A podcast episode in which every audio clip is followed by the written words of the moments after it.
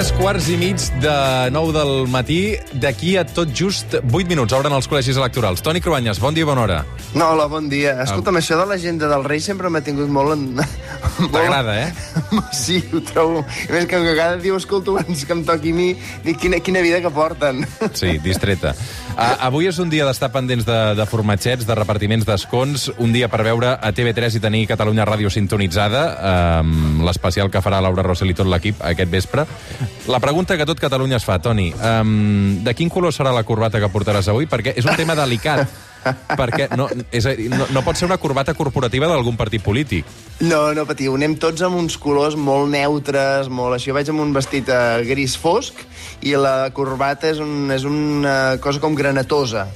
Uh, també t'haig de dir que com que la il·luminació ja va canviant i després hi ha aquesta part tota de, de realitats augmentades amb llums diferents i així potser més que granatosa s'acaba veient també grisosa, ho estàvem mirant l'altre dia. Però anem foscos, la, la Marta Carreras va molt blanca, uh, no, no hem trobat ni, no hem posat ni verd, ni vermell, ni groc, ni lila perquè ningú faci interpretacions estranyes. Mm, molt bé. Escolta'm, um, com t'has preparat per aquest especial? Perquè, clar, eh, és dels més difícils. Uh, 947 sí. municipis, hi ha molts focus oberts, no? Sí, sí, sí, sí. Eh, és els que has d'estudiar més, realment. Eh, ens hem preparat un, un petit dossier i hem anat nosaltres també a, tots aquests dies seguint molt tot el que hem fet nosaltres i els que publiquen els altres mitjans, eh, sobretot per centrar-nos no, en, en, en les batalles concretes que hi ha a cada, a cada lloc que puguin ser interessants, perquè clar, farem una interpretació general dels vots a tot Catalunya, evidentment el focus a Barcelona, que a més aquesta vegada té molta gràcia perquè no està res eh, clar i tot pot quedar molt obert fins i tot aquesta nit, però clar, després veurem, jo sé, per exemple, Tortosa, eh, Terrassa, Badalona, són opcions diferents que són batalles molt concretes i que val la pena saber perquè tenen una intrahistòria molt local. Mm. I després hi ha, hi ha coses molt particulars. Per, uh, uh, recordo fa quatre anys, en el cas de Barcelona, que um, al principi anava per davant uh, Ada Colau, i fins que no va arribar el vot, sobretot de l'Eixample, Maragall no es va posar per davant, o no va recuperar uh, certs regidors, no? Vull dir que també en, en l'escrutini hem de tenir en compte també mm, mm, per quines meses es comencen a escrutar.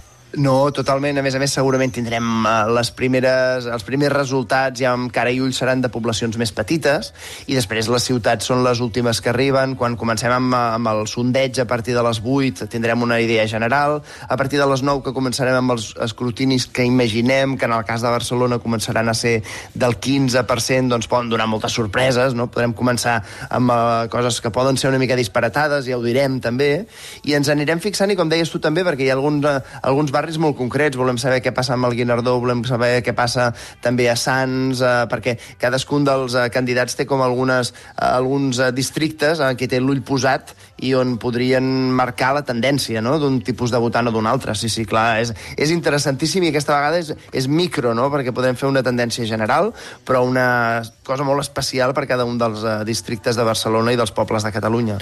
Amb un plató molt virtual, oi, Toni?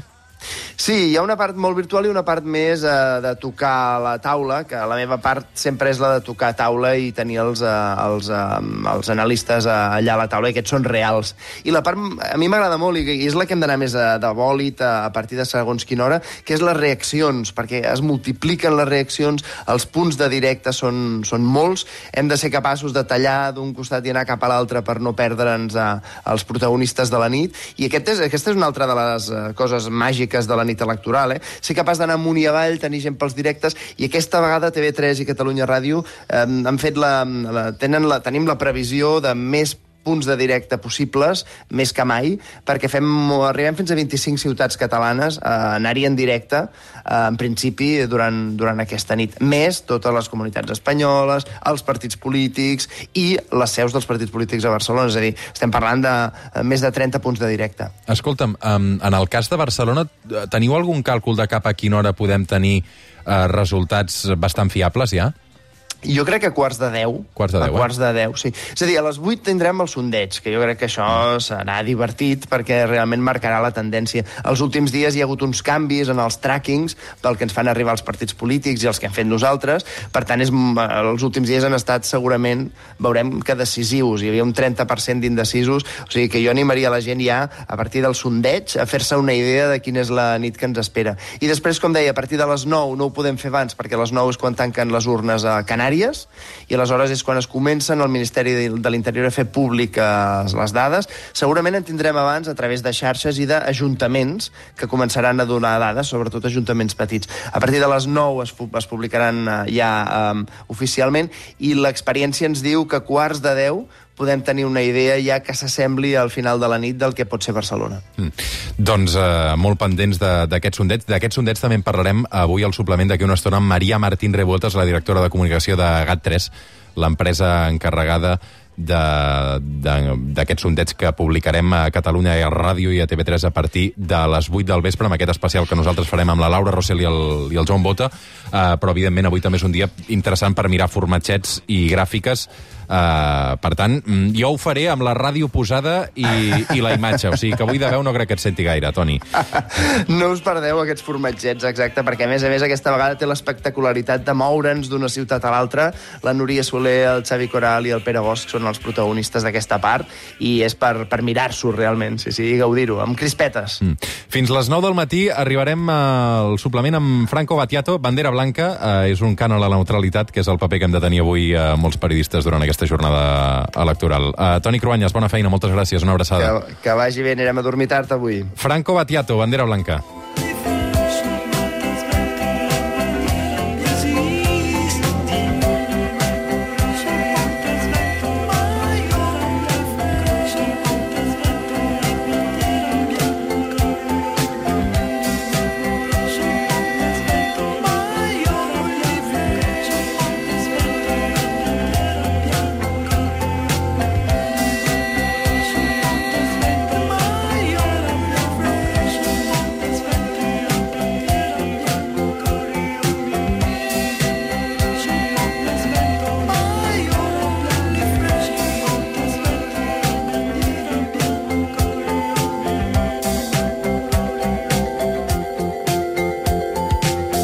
Suplement.